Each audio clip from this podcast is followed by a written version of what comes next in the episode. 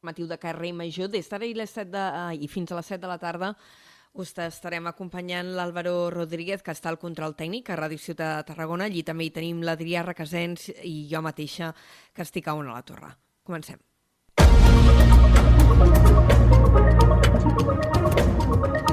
I avui, com a notícia de portada, destaquem que l'Ajuntament de Tarragona s'ha quedat sense els 3,2 milions d'euros dels fons Next Generation que havia demanat per finançar el projecte per convertir l'antic BAC d'Espanya, al mig de la Rambla Nova, en un centre de divulgació científica. El projecte, valorat en més de 7 milions d'euros, no ha aconseguit prou puntuació en la, en la convocatòria que havia obert l'Estat. Adrià Requesens, bona tarda. Bona tarda. Doncs així és. Aquesta resolució ha generat dures crítiques per part de l'oposició. L'actual regidor i exalcalde socialista, Josep Fèlix Ballesteros, ha acusat el govern municipal de deixar perdre una oportunitat d'hora. més, ha afirmat que el consistori té recursos suficients per tirar endavant el projecte. I, i evidentment, tenim capacitat d'inversió més que de sobre per posar aquests 100 milions ja damunt la taula i executar, però immediatament tant un fracàs, incapacitat i obsessió de que aquest no sigui eh, el projecte Ballesteros que inaugura l'alcalde Ricomà. Des de l'equip de govern ja han replicat que es buscaran altres vies de finançament per al projecte del Banc d'Espanya. El regidor de Serveis Generals, Jordi Fortuny, ha argumentat que no volen endeutar més l'Ajuntament i ha defensat la feina feta amb el projecte que es va presentar a la convocatòria estatal. Me sorprèn les declaracions del senyor Ballesteros són irresponsables i electoralistes. Resulta que aquí hi ha més de 500 ajuntaments que han quedat fora. Facin i repassin tots els ajuntaments socialistes que han quedat fora d'aquesta convocatòria. Són uns fracassats? Considero que no. Els ajuts Next Generation havien de servir per finançar el 40% de la reforma del Banc d'Espanya, un edifici que, recordem, està tancat des de fa gairebé 20 anys. En aquesta convocatòria dels fons Next Generation, destinada a la reforma d'edificis i equipaments públics, s'hi havien presentat un miler de projectes arreu de l'Estat, dels quals només s'han seleccionat 173 quatre corresponen a la demarcació de Tarragona. Aquests són la rehabilitació de la biblioteca de Roda de Barà, que rebrà un milió d'euros, la recuperació de Cap Adró a Valls per rehabilitar-hi l'Escola de Música Municipal amb 1,8 milions, també la rehabilitació del Casal Municipal de Cunit, que també rebrà 1,8 milions, i el projecte Vells Paisatges No Usos presentat per l'Ajuntament de Deltebre, que rebrà, en aquest cas, 950.000 euros. Hi ha 15 projectes més a la demarcació, incloent el del Banc d'Espanya, que han quedat de descartats. Entre aquests hi ha la rehabilitació dels jutjats de Falset, el Centre de Desenvolupament Artístic del Convent dels Arts del Colbé, la reforma del Casal Municipal de Torre d'Embarra i també la transformació sostenible del Palau de la Diputació. Les obres per connectar la Conca de Barberà amb el minitransbassament de l'Ebre es licitaran enguany. El Consell Comarcal va presentar el projecte al Consell d'Alcaldes en un acte que es va fer ahir a la tarda al Castell dels Comtes de Santa Coloma de Caral. El projecte, que suposarà una inversió global de 5 milions d'euros, consta de tres fases. Enguany es licitarà la primera. Les obres les finançarà l'Agència Catalana de l'Aigua, la Diputació de Tarragona i també els municipis que se'n beneficiaran. D'entrada en són nou, entre els quals hi ha Santa Coloma, Conesa, Serral i les Piles. El projecte inclou un ramal de subministrament fins a Santa Coloma de Caral que farà la distribució de l'aigua als nous pobles en la tercera fase. La previsió és que la infraestructura estigui llesta a finals de l'any vinent. La connexió amb el ministransbassament pretén resoldre el dèficit històric d'aigua que pateixen aquests municipis. I enmig de l'actual context general de sequera, a Reus, la Comissió per una nova cultura de l'aigua aposta per la construcció d'una estació regeneradora. La comissió ha acordat demanar a l'Agència Catalana de l'Aigua que fa l'estudi per poder tirar endavant aquest projecte que permetria reprofitar l'aigua de... que surt de la depuradora. També ha demanat a l'Ajuntament recursos econòmics per recuperar pous i mines municipals. Així mateix es planteja fer millores a la xarxa municipal de rec i distribució d'aigua per aprofitar al màxim aquest recurs. En paral·lel, avui el govern ha decidit tirar endavant, parlem del govern català, ha decidit tirar endavant les mesures contra la sequera en solitari, tot i el fracàs de la cimera de l'aigua en què no es va arribar a un acord amb els altres partits. L'executiu ha, aprovat una línia addicional d'ajuts de 50 milions d'euros per als ajuntaments i, a més, ha comunicat que es podran omplir les piscines comunitàries. L'executiu també habilitarà una partida extraordinària dels pressupostos generals per fer front a la sequera sequera. A més, durant el mes de maig s'obrirà una nova convocatòria per confinançar les despeses del món local en el transport de camions cisterna i obres d'emergència i s'obrirà una nova convocatòria de subvencions per a la redacció de plans directors d'abastament municipal. La portaveu del govern, Patricia Plaja, ha recordat que continua vigent el règim sancionador per als ajuntaments que malgastin l'aigua. Avui està vigent el, el règim sancionador que quedava recollit perquè, com saben, divendres no hi va haver-hi un acord. Per tant, és vigent aquest règim sancionador, però, i aquest és un però que no és poc important, eh, és possible que, almenys de moment, tot i que de forma explícita no hi hagi aquesta moratòria, no hi hagin sancions immediates. D'altra banda, el govern s'ha compromès a convocar el mes de juny, un cop passades les municipals, la Taula Nacional de l'Aigua per així abordar el model de gestió més enllà de l'emergència actual.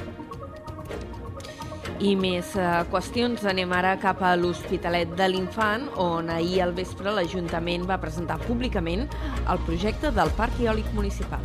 Un acte on van intervenir els especialistes que han redactat la memòria del projecte. En té tots els detalls des de Ràdio L'Hospitalet, Iris Rodríguez un parc eòlic terrestre format per quatre aerogeneradors, l'energia dels quals permetrà dotar de subministrament elèctric diversos ens municipals. Aquest és l'objectiu principal del projecte de construcció i explotació del parc eòlic municipal que es pretén construir al municipi de Vandellós i l'Hospitalet de l'Infant.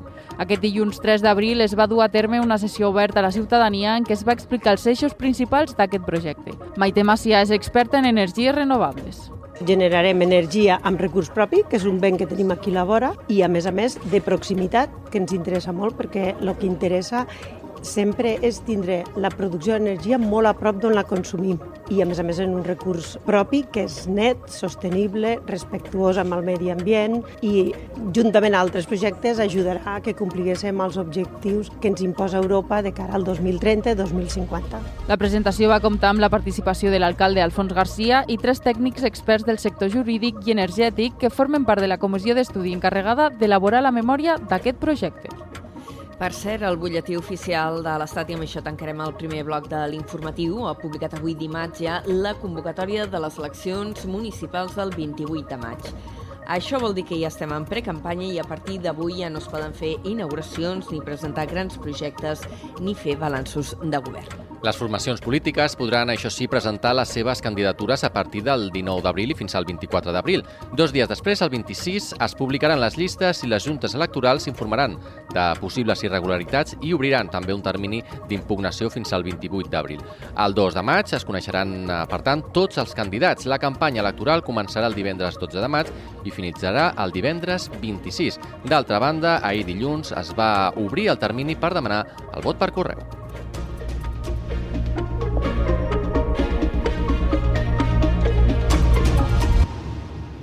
D'aquí quatre minuts seran tres quarts de set de la tarda. L'acusat d'agredir sexualment una dona a Reus al setembre de 2021 ha acceptat la pena de 3 anys i 9 mesos pels delictes d'agressió sexual tracte degradatori i descobriment i revelació de secrets. A la vista que s'ha celebrat aquest matí a l'Audiència de Tarragona, les PAS han arribat a un acord de conformitat. La Fiscalia ha rebaixat la petició inicial de 19 anys i mig alegant l'atenuant d'alteració psíquica i la de reparació de danys, ja que s'ha consignat 5.000 euros de responsabilitat civil. La defensa ha sol·licitat la suspensió extraordinària de la pena. I en plana econòmica, l'atur ha reculat un 2,1% al Camp de Tarragona i les Terres de l'Ebre durant el mes de març, segons les dades que ha fet avui públiques el Ministeri de Treball. Concretament, les llistes de desocupats tenen 891 persones inscrites menys que el mes de febrer. En total, ara al territori hi ha 41.400 persones buscant feina. El sector serveis lidera novament el descens amb 917 aturats menys, però també han baixat la indústria, la construcció i l'agricultura. En general, el número de contractes també s'ha vist incrementat. Se n'ha fet un 29% més que el febrer, en comparació amb el mateix, me amb el mateix mes de l'any passat, però les dades són negatives i el nombre de contractes nous ha baixat un 19%. D'altra banda, aquest darrer mes s'ha mantingut la tendència a l'alça dels contractes indefinits que representen un 46% del total. I ja que estem parlant de feina, el govern català convocarà guany més de 14.000 places. El Consell Executiu ha aprovat avui l'oferta d'ocupació pública d'aquest 2023. És la més gran dels darrers 10 anys. La meitat de les places seran per reduir la temporalitat a l'administració amb voluntat de situar-la per sota del 8%. L'objectiu també és tecnificar les plantilles i reforçar els sectors essencials. Així es convocaran més de 6.000 places a l'Institut Català de la Salut, 4.000 de mestres i professors i 2.500 de personal d'administració. També es preveu cobrir prop de 900 places de Mossos i gairebé 300 de bombers. Apuntem també que la cadena de supermercats Bon Preu incorporarà 400 persones per reforçar la campanya d'estiu, especialment en establiments de la Costa Daurada i la Costa Brava. El grup usonenc ha anunciat que acaba d'iniciar una campanya de contractació per cobrir posicions a les seccions de peixateria, carnisseria, xarcuteria, formatgeria i fleca, però també com a personal de caixa i de reposició. Les noves contractacions permetran cobrir l'increment de demanda que es produeix durant l'estiu a les principals destinacions turístiques del país. Actualment la plantilla de bon preu compta amb més de 9.400 persones. I encara en plana econòmica, destaquem que el Port de Tarragona recuperarà la concessió del moll d'Andalusia. Es tracta de la terminal pública de contenidors que actualment explota l'empresa DP Wall i que ara es posarà novament al mercat a través d'un concurs per trobar una nova empresa concessionària. L'objectiu és diversificar els trànfics, incrementar la càrrega general i potenciar també el transport per ferrocarril, aprofitar les instal·lacions a la terminal de la Buella i el futur port sec que s'està construint a Guadalajara. Segons els estudis de mercat de l'autoritat portuària, la terminal del Moll d'Andalusia té capacitat per moure mig milió de tones a l'any. Entrem en crònica local, ho fem situats a Tarragona, on el govern municipal justifica que no s'hagi demanat el traspàs de la Nacional eh, 240 a l'Estat. El regidor de Territori, Xavier Puig, ha respost les crítiques del PSC i argumenta que la carretera no reuneix les condicions per ser una via urbana. Des de Ràdio Ciutat de Tarragona ens ho explica l'Àlvaro Rodríguez.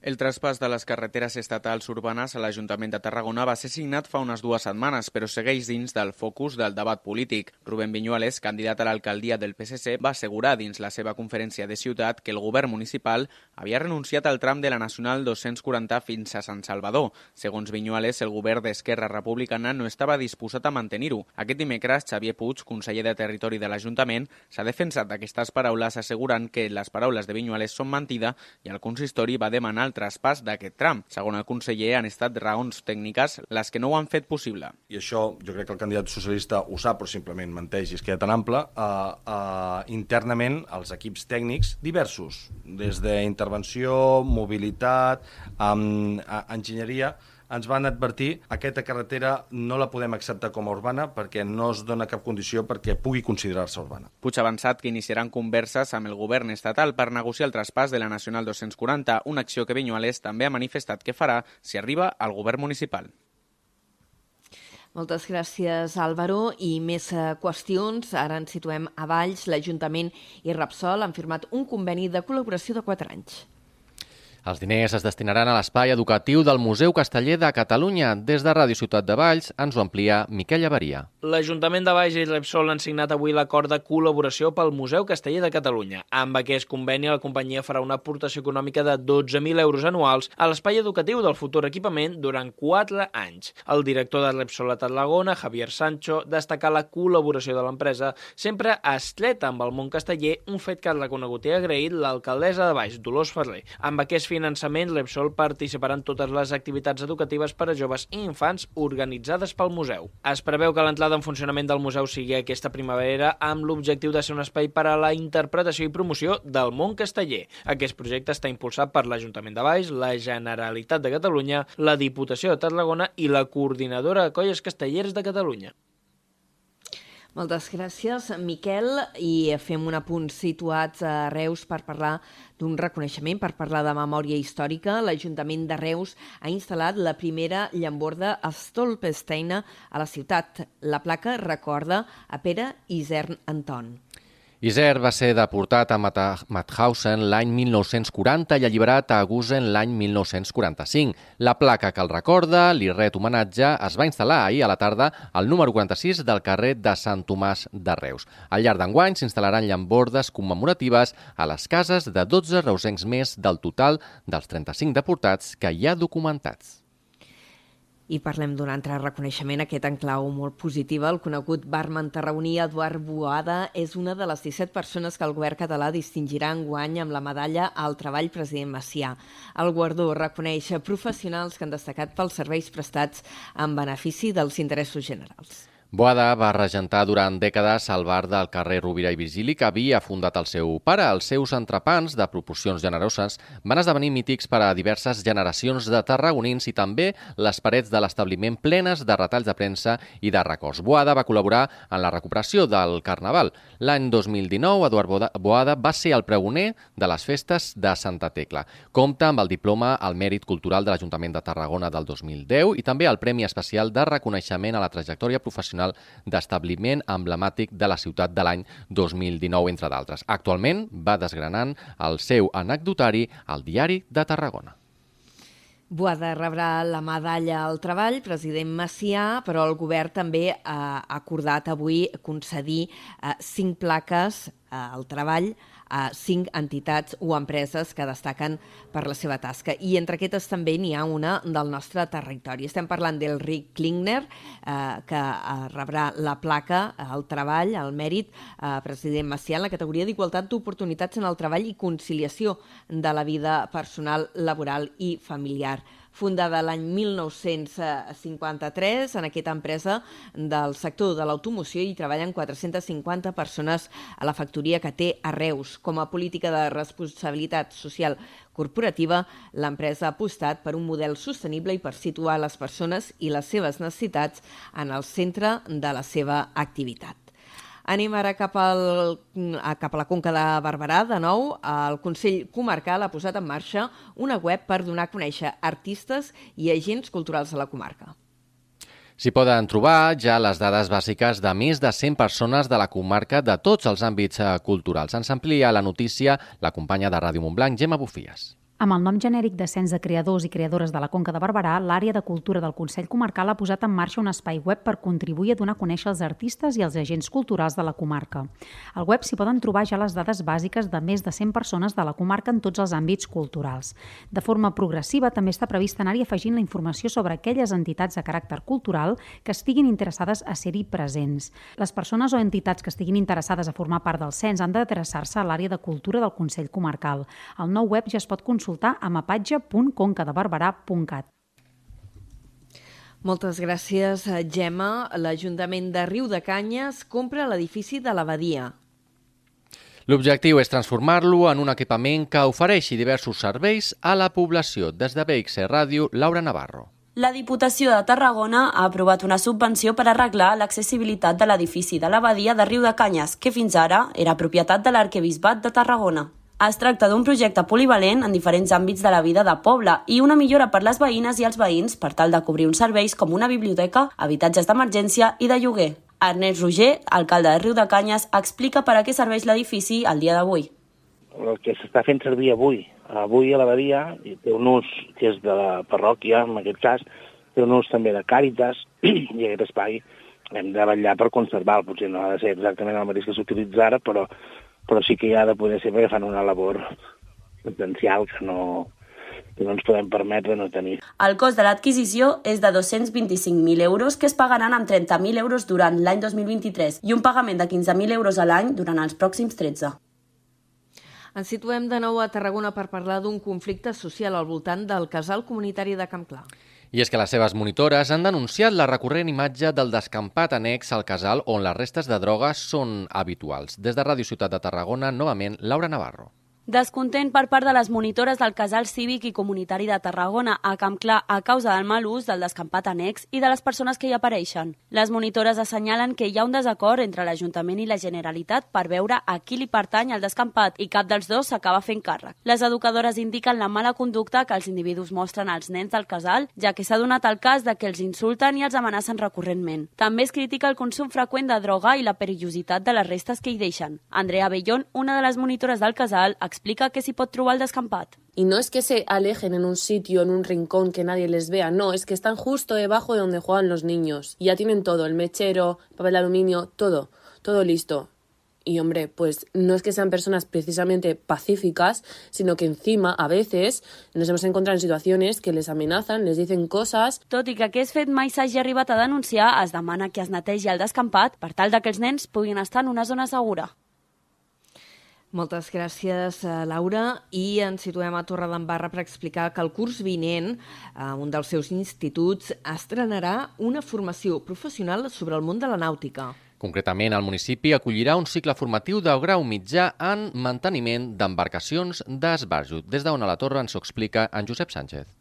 Es farà a l'Institut Ramon de la Torre, serà en eh, modalitat FP Dual i es realitzarà en col·laboració amb el Port de Torredembarra. El Departament d'Educació ha donat el vistiplau aquesta nova formació que es realitzarà a la Torre. Aquest nou cicle de grau mitjà consolida l'aposta de l'Institut Ramon de la Torre per la nàutica, ja que des de fa dos cursos s'ofereix també al PFI d'auxiliar de manteniment d'embarcacions esportives i d'esbarjo.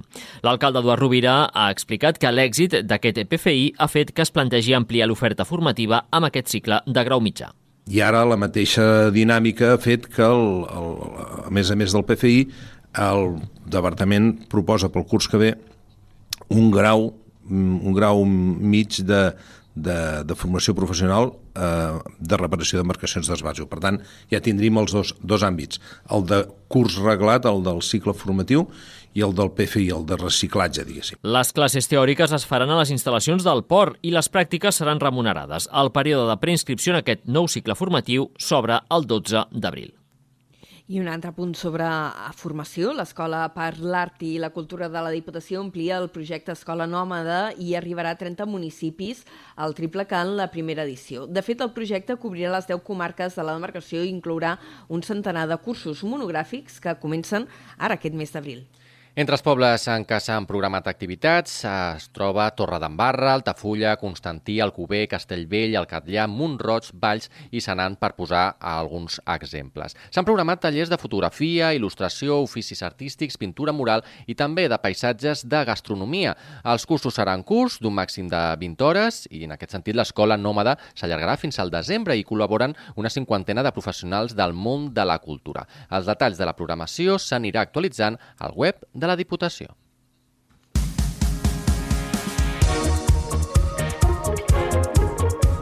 I anem ja a parlar d'esports, avui situats a la platja de la Paella de Torredembarra, que acollirà aquesta Setmana Santa la segona edició de la Llorenç Beach Soccer Cup. La competició de futbol platja fa el salt internacional amb la participació d'un equip procedent de Geòrgia. Des d'on a la torre ens ho amplia Josep Sánchez. El torneig neix d'una iniciativa de l'exjugador de Torredembarra, Llorenç Gómez, una de les figures mundials més destacades del futbol platja en els darrers anys. El campionat es disputarà del 6 al 9 d'abril i enfrontarà sis equips de categoria sub-19 masculina. Dijous tindran lloc les sessions d'entrenament, divendres i dissabte es disputarà la fase de grups i diumenge jugaran els play-offs. Llorenç Gómez ha destacat en la presentació de la competició, aquest dimarts, l'aposta que volen fer pel futbol platja de base. Es, es una categoría sub-19, eh, es muy importante para el crecimiento de la modalidad y, y como siempre he dicho, mm, en mi caso, o en nuestro caso, mejor dicho, nunca hemos mirado por nosotros mismos, sino que en realidad es como que somos una parte, un bracito de beach soccer que nos gusta ayudar a, al crecimiento de la modalitat i, i per a nosaltres és pues, eh, muy importante. El torneig compta amb la col·laboració de l'Ajuntament de Torredembarra i de Beach Soccer Worldwide. A més, el dijous a la tarda es farà una jornada de voluntariat mediambiental a la mateixa platja de la mà del Japec.